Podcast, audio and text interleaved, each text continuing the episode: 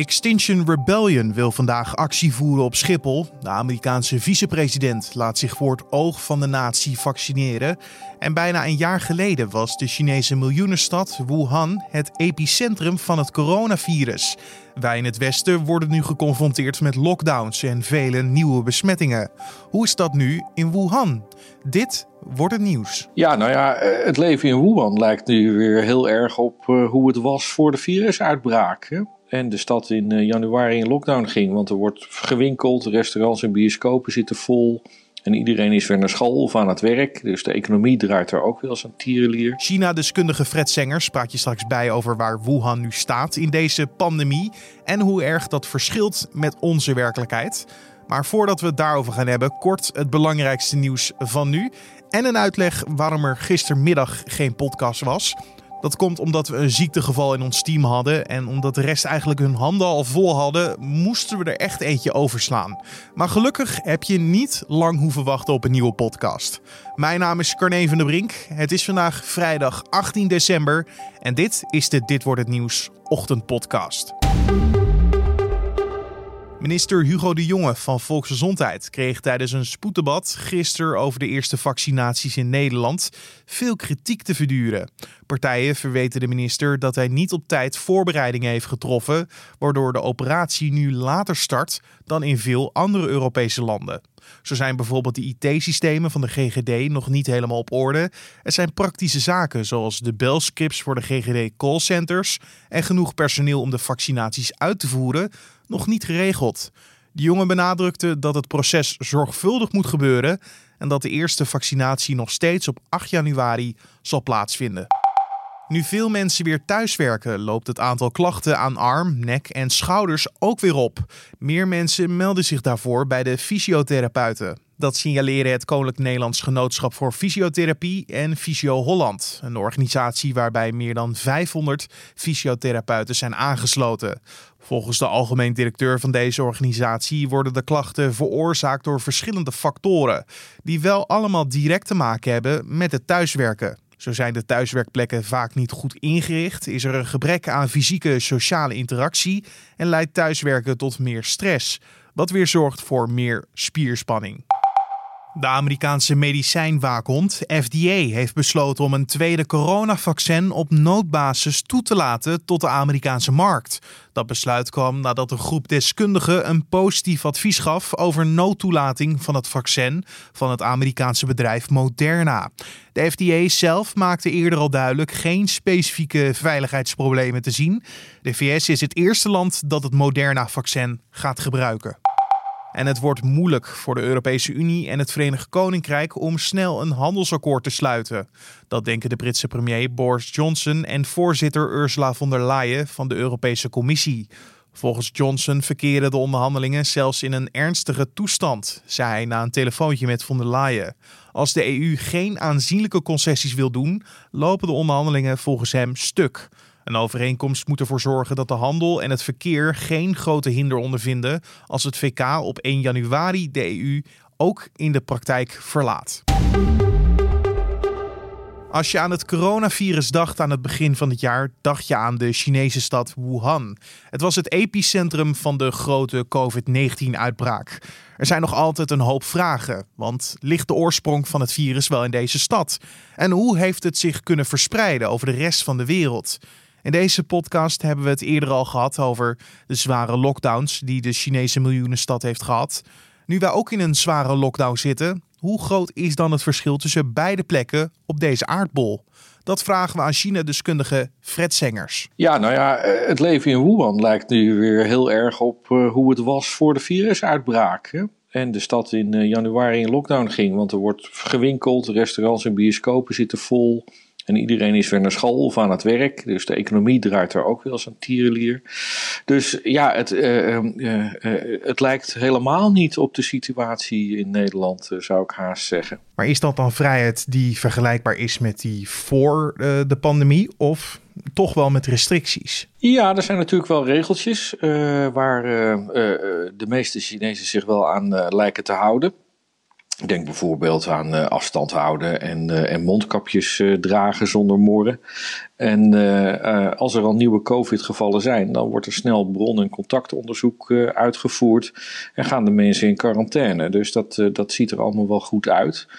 Um, en ja, hoe zeker de Chinese regering van zijn zaak is, blijkt denk ik wel uit het feit dat er uh, grote massa-evenementen worden toegestaan.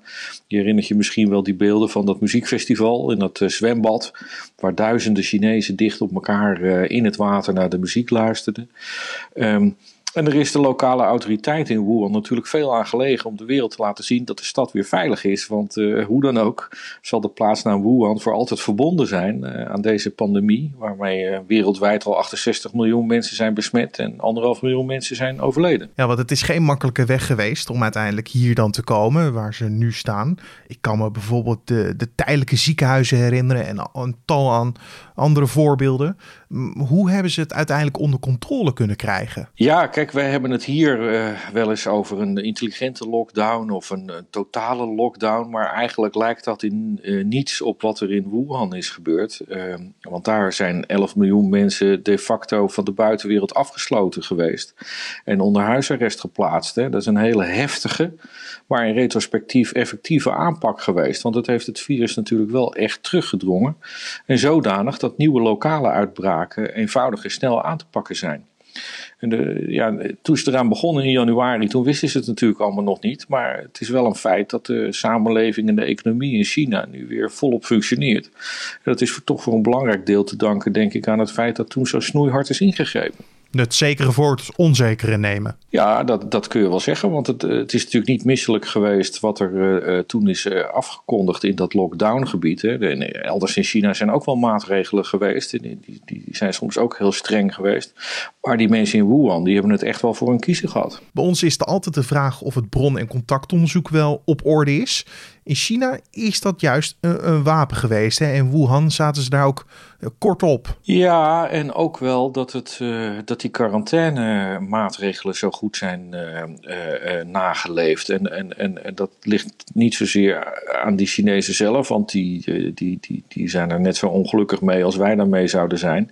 Maar de overheid heeft er wel echt voor gezorgd dat als mensen uh, uh, in quarantaine moesten, dat, dat, dat, dat ze dat ook echt deden. En is dan door de vrijheid, die dus deels weer terug is gekeerd, ook de economie weer aan het bloeien? Ja, want China is op dit moment een van de weinige economieën in de wereld waar de groeicijfers in, in het zwart worden geschreven. Um, en ja, je, zelfs als de cijfers een beetje geflatteerd zijn, wat, wat ik niet uitsluit, dan nog kun je met eigen ogen constateren dat de meeste mensen weer aan het werk zijn en, uh, en dat er volop geconsumeerd wordt. Je zegt het zou kunnen dat die cijfers wat geflatteerd zijn. In hoeverre wil China dat er dus een positief beeld op dit moment wordt neergezet? Dus dat ze daar ook mee uh, spelen met de beeldvorming? Ja, dat denk ik wel. Want de, uh, zij, uh, zij zijn natuurlijk niet blij met het, het feit dat het allemaal daar ontstaan is. En, en dat het zo'n wereldwijde pandemie kon uitgroeien. Um, en, en ik denk dat het er veel aan gelegen is om die, die, die vervelende uh, uh, periode achter zich te laten. Want na alles wat ze hebben meegemaakt, is er dan ook een litteken nu zichtbaar? Ja, dat, dat, dat, dat zie je denk ik wel. Ik bedoel, ik kan het natuurlijk niet zelf uh, waarnemen, want ik kan nu niet naar China. Maar wat je daarover hoort en leest en ook wel uit je eigen contacten hoort, uh, is dat, uh, uh, dat het ja, zeker in zo'n stad als Wuhan best wel ingehakt heeft. En, en er zijn natuurlijk ook mensen die hun bedrijf verloren zijn. Of die, ja, je zou bijna zeggen, een soort posttraumatisch stresssyndroom hebben van die tijd dat ze in, in grote angst leefden. Want Kijk, langzamerhand weten we wat het virus ongeveer doet. Uh, en, en dat de kans om het te krijgen en eraan overlijden niet zo groot is. Maar zeker in de beginfase, toen, uh, toen het leek dat, dat de hele stad uh, uh, naar het ziekenhuis moest. En dat, uh, en, en dat er zoveel doden waren dat, er, dat ze in massagraven begraven moesten worden. Ja, je kunt je wel voorstellen dat het dan de paniek om, je, om zich heen slaat. Ik zei in mijn introductie al, er zijn nog steeds een hoop vragen rondom Wuhan en de hele coronapandemie. Zo ook, ja, komt nou oorspronkelijk het COVID-19-virus uit Wuhan. hoe kijken ze zelf naar dat vraagstuk? Ja, het zou de Chinese regering natuurlijk heel goed uitkomen als uh, het, virus daar niet blijkt te zijn ontstaan. Maar goed, uh, alle, alles wat we nu we weten wijst daar wel op. Wat dat betreft is het interessant dat er nu uh, komende maand een onderzoeksmissie van de Wereldgezondheidsorganisatie WHO eindelijk naar China gaat. tien wetenschappers, waaronder een Nederlandse viroloog, Marion Koopmans van het Erasmus MC, die gaan uh, begin januari naar China om daar samen met Chinese partners onderzoek te doen. En dat zou dan vier of vijf weken moeten duren voordat het uh, Chinees nieuwjaar begint en, uh, en China de facto op slot gaat.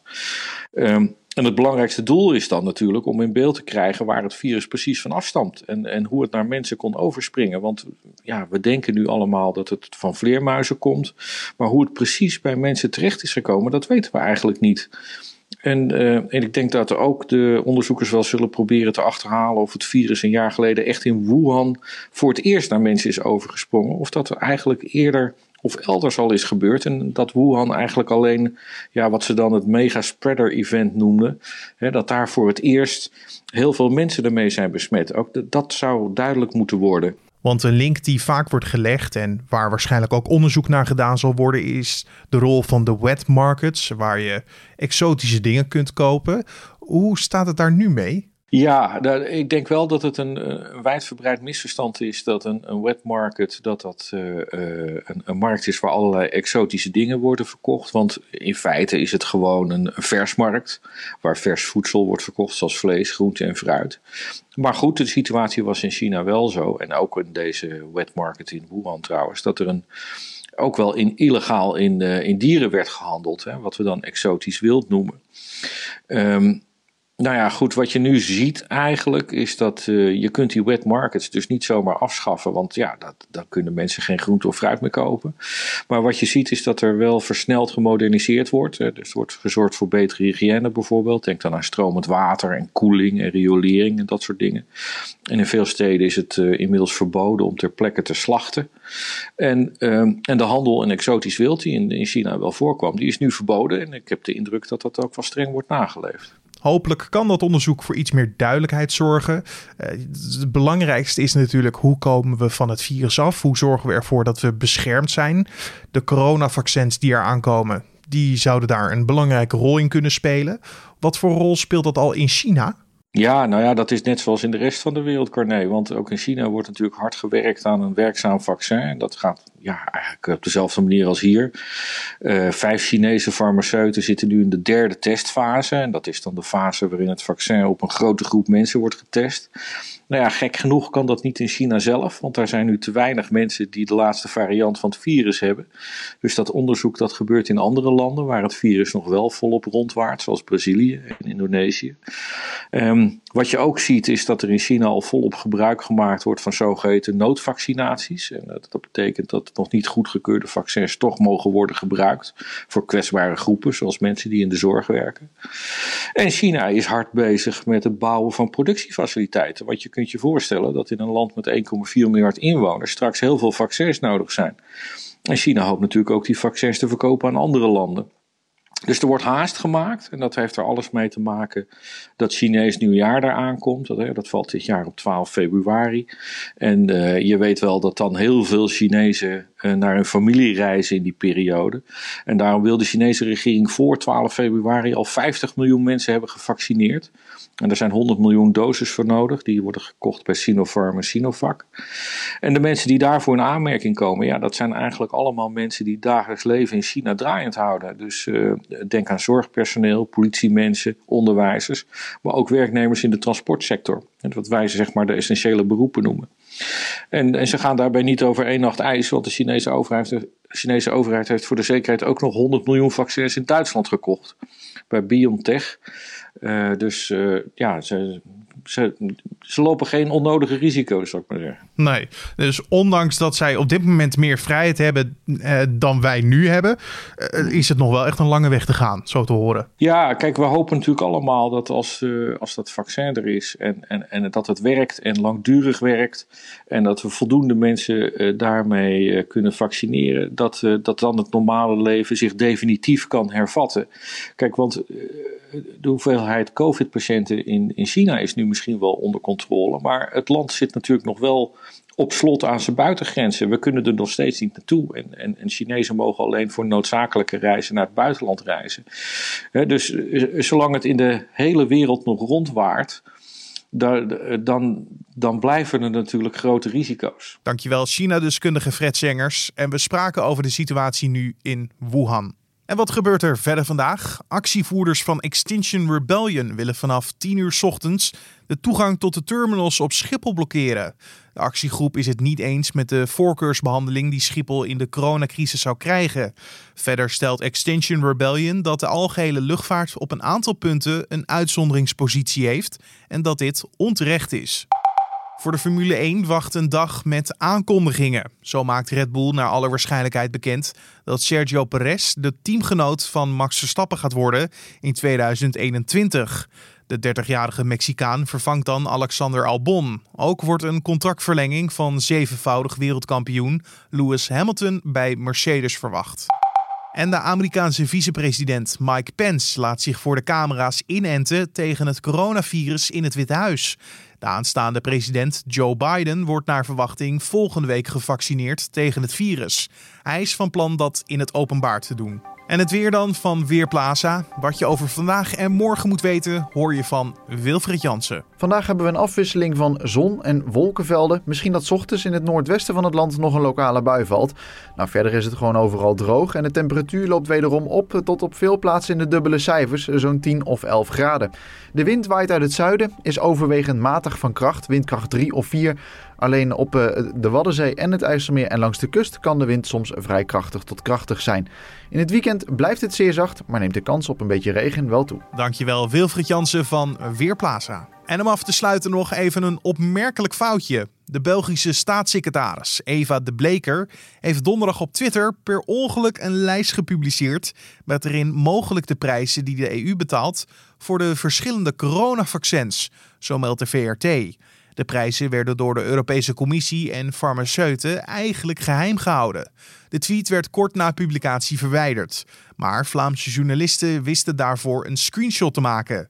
Later had ze het bericht opnieuw geplaatst, maar dan zonder specifieke prijzen. Uit de tabel blijkt dat de prijzen voor de verschillende vaccins flink uiteenlopen.